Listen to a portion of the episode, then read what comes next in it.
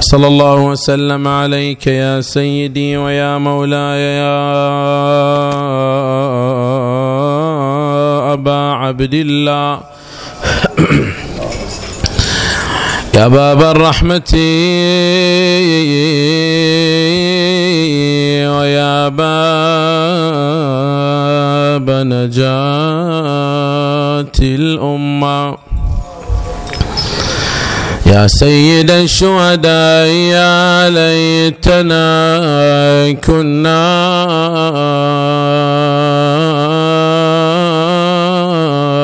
معكم. فنفوز والله فوزا عظيما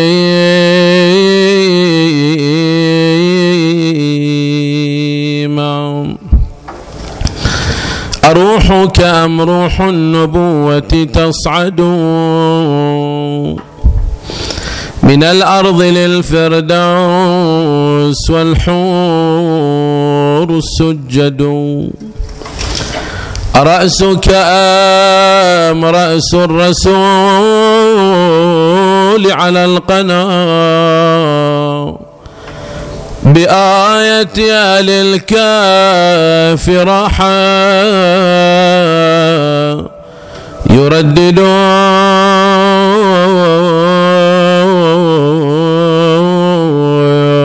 يرددون أصدرك أم مستودع العلم والحجاب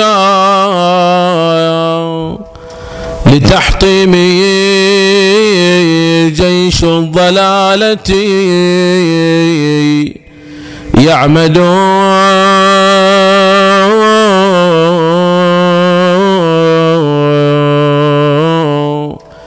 وشاطرت الأرض السماء بشجوها فواحدة تحنو وأخرى. تردد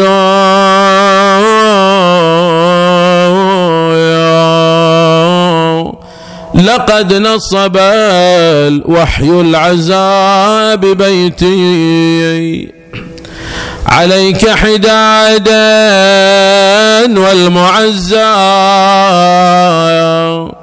محمد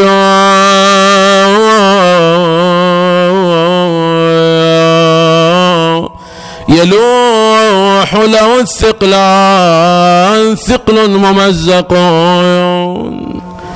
بسامين وثقلون بالسيوف مقدد.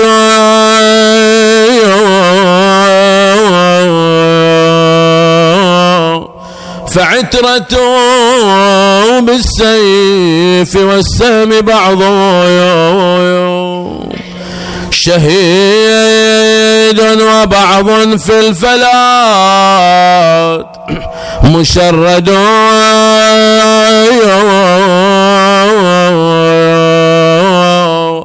وأي شهيد أصلت الشمس جسمه أيوا حسينا.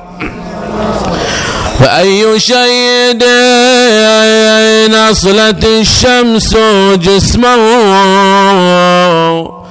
ومشهدها من نوره متوقد وأي ذبيح داست الخيل جسمه وفرسان من ذكره تتجمد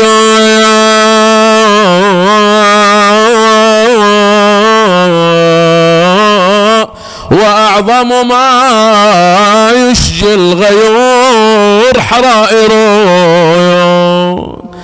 تضام وحاميها الوحيد مقيد.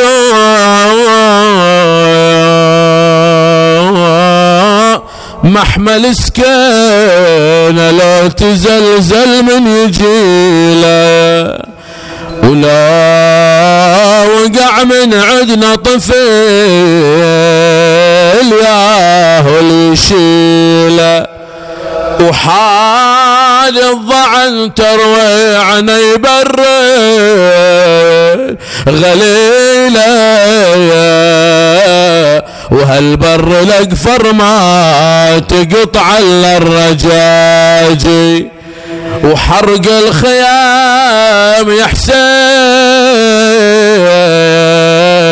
ما خلى لنا حايا وحريمكم ذوب قلبها فاقد الارجاء والله ما ظللنا جلد لركاب الجماع ما غمضت عيني ولا ساعة من الليل يردون نسافر يا بعد أهلي ونخليك. يا ريت قبل السفر نقعد نواريك هذا الفراق وين يا ابن أمي؟ نلاقيك. لا تقول خلتني العزيز بغير ترسي لا تقول عني سفرا وما ودعاني. شالوا خوات للقبر ما شيعاني. خويا يا وياك بالبار بالبر يتركوني. ولا روح حسرة ميسرة بين المهازي. لكنما الأمر لله لا حول ولا قوة. إلا بالله العلي العظيم وسيعلم الذين ظلموا آل بيت محمد أي منقلب ينقلبون والعاقبة للمتقين فيما عن سيدنا وإمامنا أبي محمد العسكري عليه السلام أنه قال صلوا في عشائرهم واحضروا جنائزهم وعودوا مرضاهم وأدوا حقوقهم فإن الرجل منكم إذا ورع في دينه وصدق في حديثه وأدى الأمان قيل وحسن خلقه مع الناس قيل هذا شيعي فيسرني ذلك صدق مولانا عليه السلام لقضاء الحوائج وتعجيل الفرج. طيبوا مجلسنا بذكر محمد وآل محمد.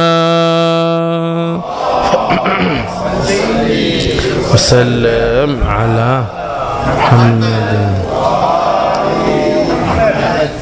اللهم صل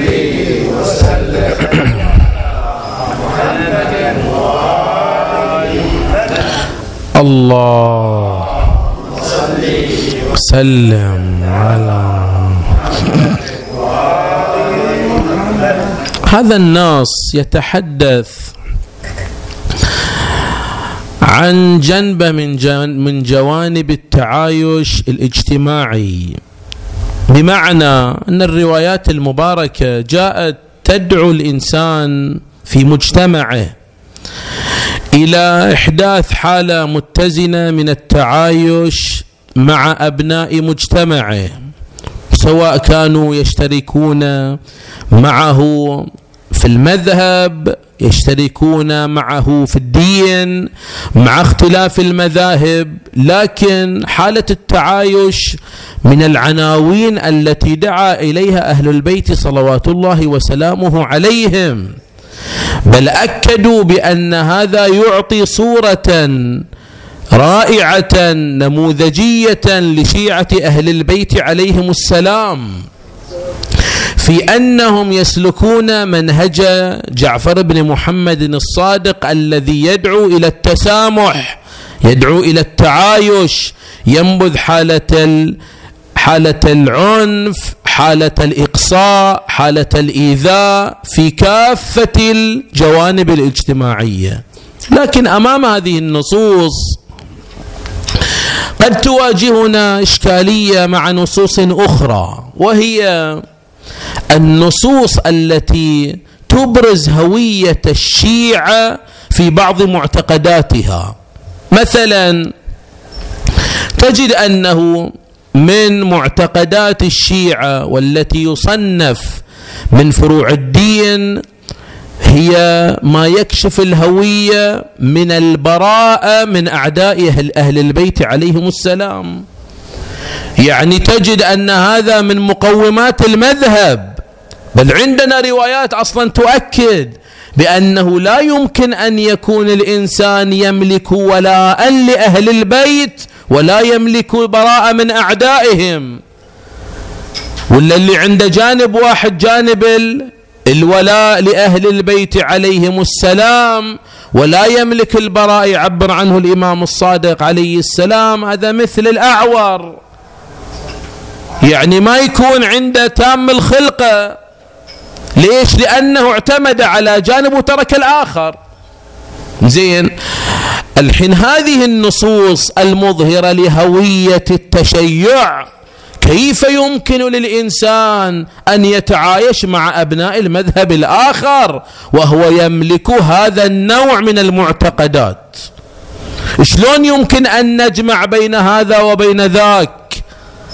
وكيف لنا أن نتعامل مع نصوص التي تتحدث عن التقية عند الشيعة والتعامل بالتقية عندهم؟ هذا يحتاج إلى تأمل. أول شيء لنتحدث عن هذه الهوية هوية المعتقد في براءته من أعداء أهل البيت عليهم السلام. تعال ارجع إلى النصوص المباركة سواء في القرآن الكريم أو سواء كان في الروايات المباركة. تشوف أن هناك أصناف نماذج في البراءة أو في المعتقدات التي تظهر الهوية. مثلا صورة من الصور صورة اللعن للأعداء. اللعن في النصوص تارة تجدها لعن عام. يعني مثلا اللي يتصف بصفة معينة أولئك من موارد اللعن يستحقون اللعن يعني لم يخصص اسم معين أو أقوام معينة لا. مثلا المنافق كل من اتصف بالنفاق فإنه يستحق اللعن. تجي إلى صورة أخرى.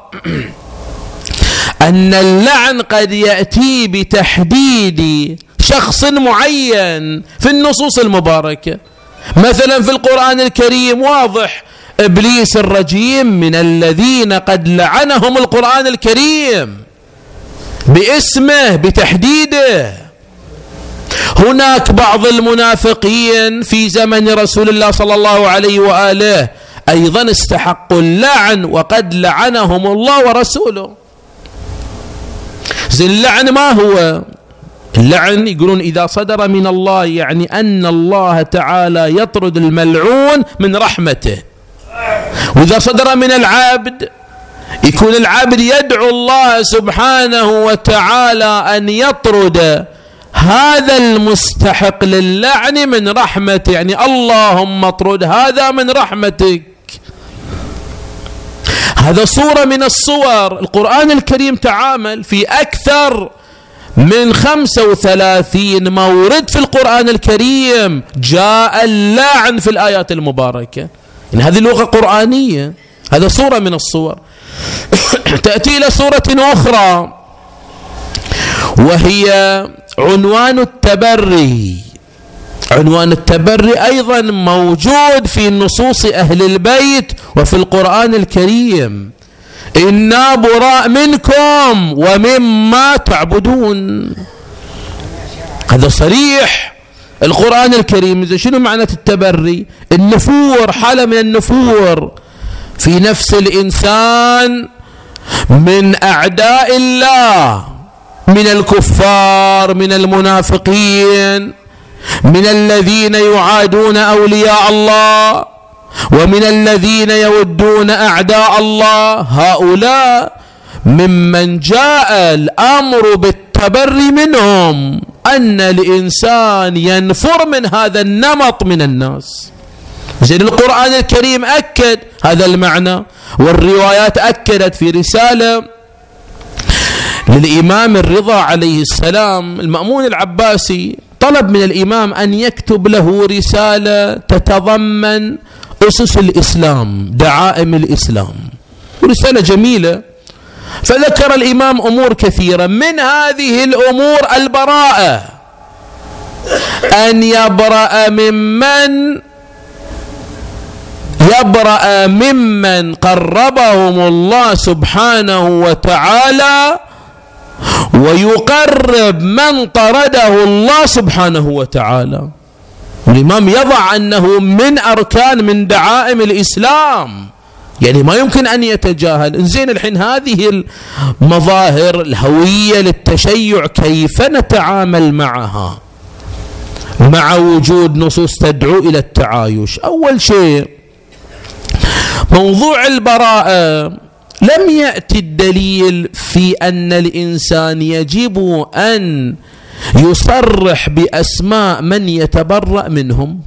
ما يجب على الإنسان.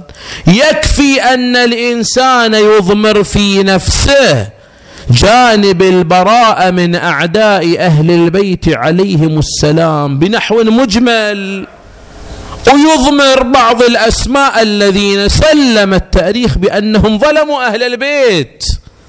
لأن يقسمون البراءة إلى قسمين. يقولون البراءة تارة تكون قلبية بمعنى أن الإنسان لا يظهرها. ومرة تكون براءة قولية أو صريحة بحيث أن الإنسان يعبر عن تفاصيل البراءة ومن يتبرأ منهم إما قولا أو كتابة. زين الحين هذا النوع من البراءة هل يلحظ فيه لحظات؟ يعني على أي أساس أن الإنسان يضمر من يستحقون البراءة أو اللعن؟ أو أن الإنسان يظهر هذا الأمر؟ وين المعيار نقول المعيار ظرف الإنسان. بعض الأحيان أنت في ظرف زماني يتناسب أنك تظهر جانب البراءة ممن يستحق باسمه. ومر ظرف زماني ومكاني. لكن بعض الأحيان في نفس الزمان لكن في مكان آخر ما تستطيع أنك تتجاهر بحالة البراءة واللعن لمن يستحق. ما تستطيع. ليش؟ لأنه قد يتسبب هذا الأمر في ضرر على الإنسان نفسه. يعني ممكن أن نفس هذا المتبري يتعرض للخطر. إما في نفسه في ماله في عياله. وبعض الأحيان لا الواحد في مأمن. هو زمانا ومكانا يستطيع لكن هذا ينعكس على الغير من المؤمنين. يعني إظهار براءته واللعن لمن يستحق هذا ممكن يتسبب في إيذاء وقتل بعض المؤمنين في مكان آخر أو في زمن آخر. وهذا أيضا مورد إشكال عند الفقهاء وعند العلماء. لذلك يقولون أنه جانب البراءة أو معتقدات الخاصة بهوية التشيع هذه تخضع لهذه الظروف. ومن لا يراعي هذا الجانب قد يقع في الإثم ومنه تربط هذا المعتقد في إظهاره. بعقيدة التقية اللي عبر عنها الإمام الصادق التقية ديني ودين آبائي. ولا دين لمن لا تقية له. شوف الإمام الصادق عليه السلام تعبير مطلق. يقول لك هذا الأمر لابد أن تراعيه. لكن اختلف العلماء في هذا النص. شلون يعني؟ مثلا جاء جامع من العلماء قالوا صحيح هذا الكلام من الإمام الصادق تأكيد على جانب التقية لكن في أمر عنها التقية. الإمام الصادق تحدث بها في ظرف كان الشيعة أقليات مستضعفين مضطهدين ما لهم كلمة. فملزم الشيعي المؤمن في ذلك الوقت أنه يخفي عقيدته ما يظهرها. لكن الآن تغير الأمر. ما شاء الله الشيعة في ازدياد في كل مكان أعدادهم بالملايين أصبحوا قوة. زين إذا أصبحوا قوة قال لك خلاص بعد السبب ارتفع. فالتقية لا تعني كل زمان ومكان. قول الإمام الصادق إنما يشير الإمام عليه السلام لذلك الزمن وذلك الظرف التي الذي يعيشه المؤمنون في ذلك الزمان. زين هذا رأي. تعال ناقش هذا الرأي. نقول وين فهمت هذا الكلام من نص الإمام عليه السلام؟ الإمام في نصه ما قال سلام الله عليه. التقية ديني ودين آبائي في زماني. الإمام كلامه مطلق. لا دين لمن لا تقية له. أو من لا تقية له لا دين له. على اختلاف الروايات.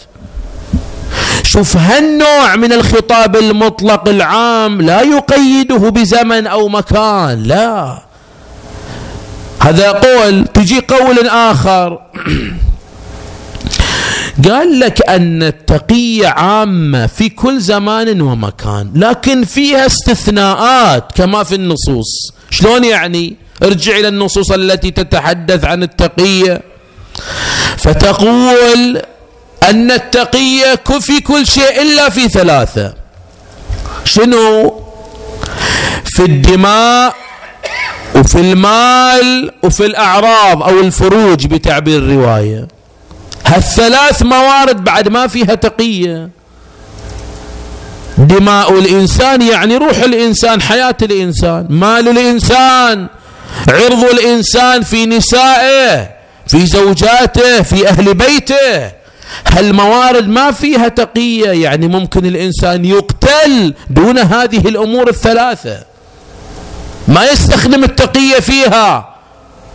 قالوا أصحاب هذا الرأي قالوا ومن الأمور التي يمكن أن تستثنى جانب البراءة وإظهار هوية التشيع أمام العامة من أبناء المذاهب الأخرى. يقول خوش كلام لكن وين الدليل عليه؟ الحين الثلاثة أمور الدم والمال والعرض هذا ورد نص خاص عليه. لكن ما وجدنا نص يتحدث على أن البراءة من الموارد التي استثنيت في عنوان التقية. هذا ما في ما يدل على هذا الكلام. وكلامكم يحتاج إلى دليل وإلا لا يقبل. زين من جانب آخر هناك روايات تؤكد هذا المعنى اللي تعبر عن خطورة إظهار أسرار آل محمد.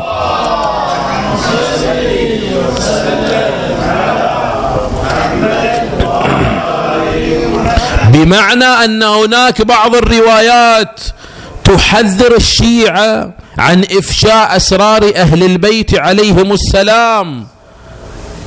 يقول الإمام الصادق لأحد أصحابه أنت على دين. إذا أخفيته أعزك الله وإذا أظهرته أذلك الله. الإمام الصادق عليه السلام يوم خرج من المسجد في حالة غضب. قال إن من الناس من لا من أستره ولا يسترني ولا يستر نفسه. إني أداري الإمام الصادق كان في زمنه يعني مدرسته كان خليط من الشيعة وغير الشيعة. يقول الإمام إني أداري وأستر وهو وهو يكشف ستري. كشف الله ستورهم. يقول الإمام أنا أداري. وأخفي بعض المعتقدات التي من الممكن أن تنفذ الطرف المقابل. أنت شوف ادرس الموضوع. لما تجي تأثر على مثلا جهة معينة طرف معين حتى تنقل له مدرسة معتقدات مدرسة أهل البيت عليهم السلام يحتاج أن تتدرج تأخذه باللين. في بعض الروايات طوبى لمن اجتذب قلوب الناس إلينا. مو تأتي تنفر الناس عن منهج أهل البيت عليهم السلام. الإمام يداري ويقرب الناس إلى معتقده إلى الفكر الأصيل لأهل البيت عليهم السلام. ويأتي واحد بكل سذاجة ويفسد ما قام به الإمام صلوات الله وسلامه عليه. هذا مؤذي لأهل البيت. غير أن هذا يعطي صورة سيئة سلبية عن شيعة أهل البيت. لذلك الإنسان أمام مسؤولية كبرى. لا سيما نحن في مجتمعنا اللي يحوي خليط من عدة مذاهب. يحتاج أن الإنسان يكون حذر في تعامله في إظهاره فيما يقوله أمام الناس وما ينقله إلى الغير. حتى يقال كما يقول الإمام العسكري عليه السلام فيقال هذا شيعي فيسرني ذلك. هذا يعطي انطباع إيجابي لمدرسة أهل البيت عليهم السلام. إلا أن هناك بعض الموارد التي هم أهل البيت عليهم السلام. كان أول من طبق هذا الأمر بأنه بعض الأمور الخاصة بأهل البيت ضمن ظرف معين خاص كان لزاما أن يظهروا مظلوميتهم عليهم السلام. كما جرى في واقعة كربلاء. شلون في واقعة كربلاء؟ كان موقف أهل البيت عليهم السلام موقف عظيم. المحاججة إسقاط القناع من الحكم الأموي وكشف زيف هذا الحكم الجائر الظالم الذي قتل أهل البيت عليهم السلام. تعال شوف المحاججة التي قام بها الإمام زين العابدين. مثلا في الشام يوم دخل الشام هو والنساء والسبايا والأطفال يقول لأحد رجال الشام يقول له الحمد لله الذي نصر أمير المؤمنين يزيد بن معاوية عليكم أيها الخوارج. قال للإمام يا شيخ تقرأ القرآن وصار الإمام يحاججه. إلى أن قال له أو قرأت قوله تعالى إنما يريد الله ليذهب عنكم الرجس أهل البيت ويطهركم تطهيرا. قال بلى. قال يا شيخ والله نحن هم أهل ذلك البيت. نحن أولئك الذين طهرهم الله من الرجس.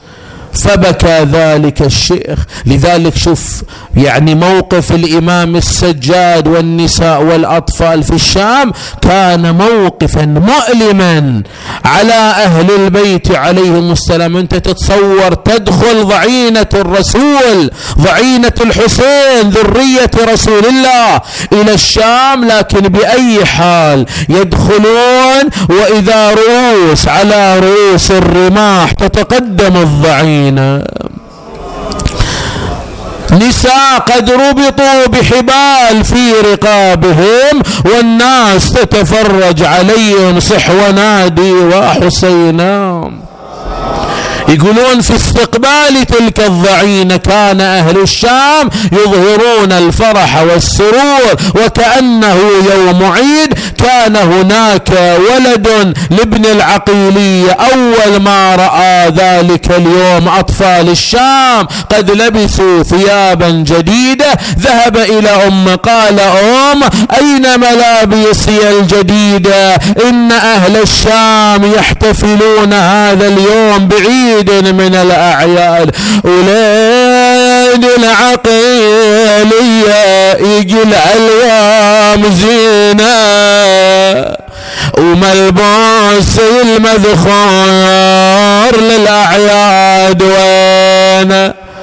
قالت إيش عندك يا الولد؟ تنده من بعيد.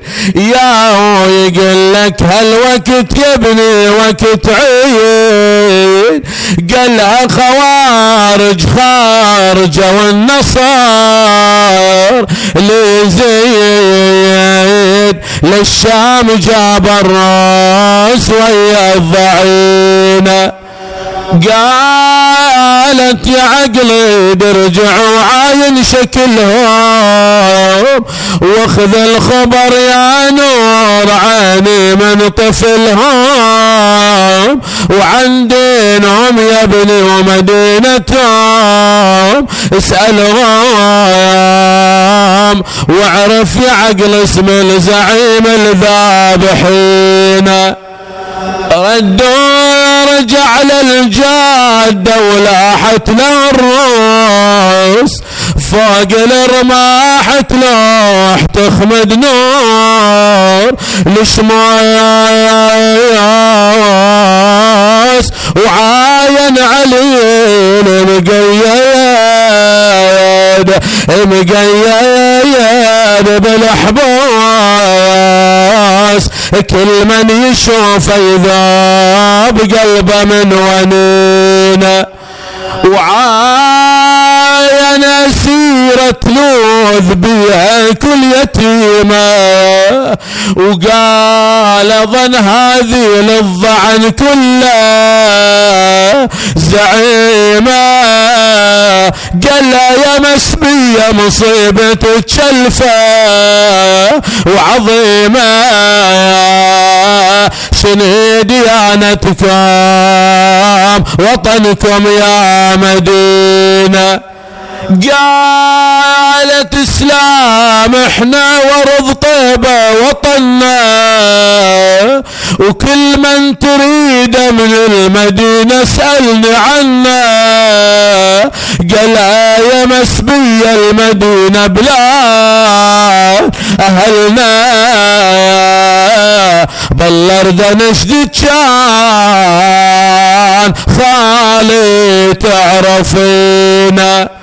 تعرفه تعرفين أبو السجاد وتعرفين عباس تعرفين الأكبر والنشامل ترفع الراس تعرفين أبو الغيرة محمد وافي الباس تعرفين زينب بضعة زار المصونة.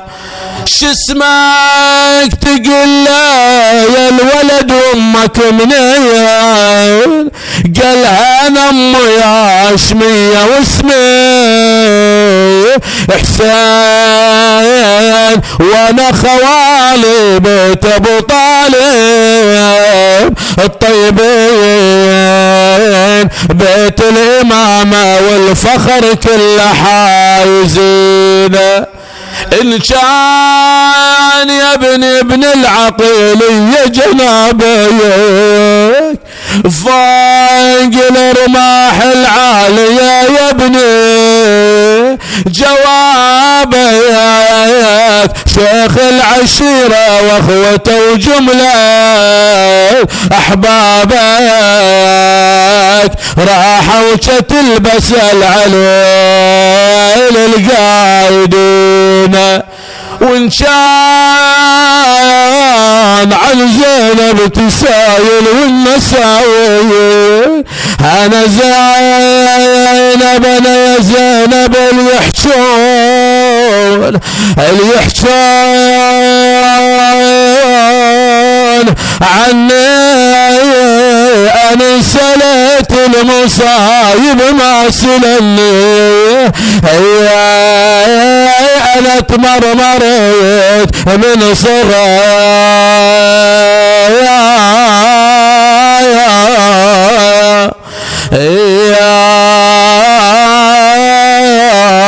يا سني هذه زينب يا الله. باسمك العظيم الأعظم الأعز الأجل الأكرم الذي إذا دعيت به أجبت. بفاطمة وأبيها وبعلها وبنيها والسر المستودع فيها. فرج عنا يا الله فرجا عاجلا قريبا كلمح البصر أو هو أقرب. شافي مرضانا فك قيد أسرانا انصرنا على من ظلمنا. جماعة الحضور احفظهم فردا فردا. المؤسسون تقبل أعمالهم وسع في أرزاقهم احفظهم وذويهم ومن يلوذ بهم إلى أرواح موتاهم وموت جميع المؤمنين والمؤمنات. رحم الله من يقرأ المباركة الفاتحة. تسبقها صلوات.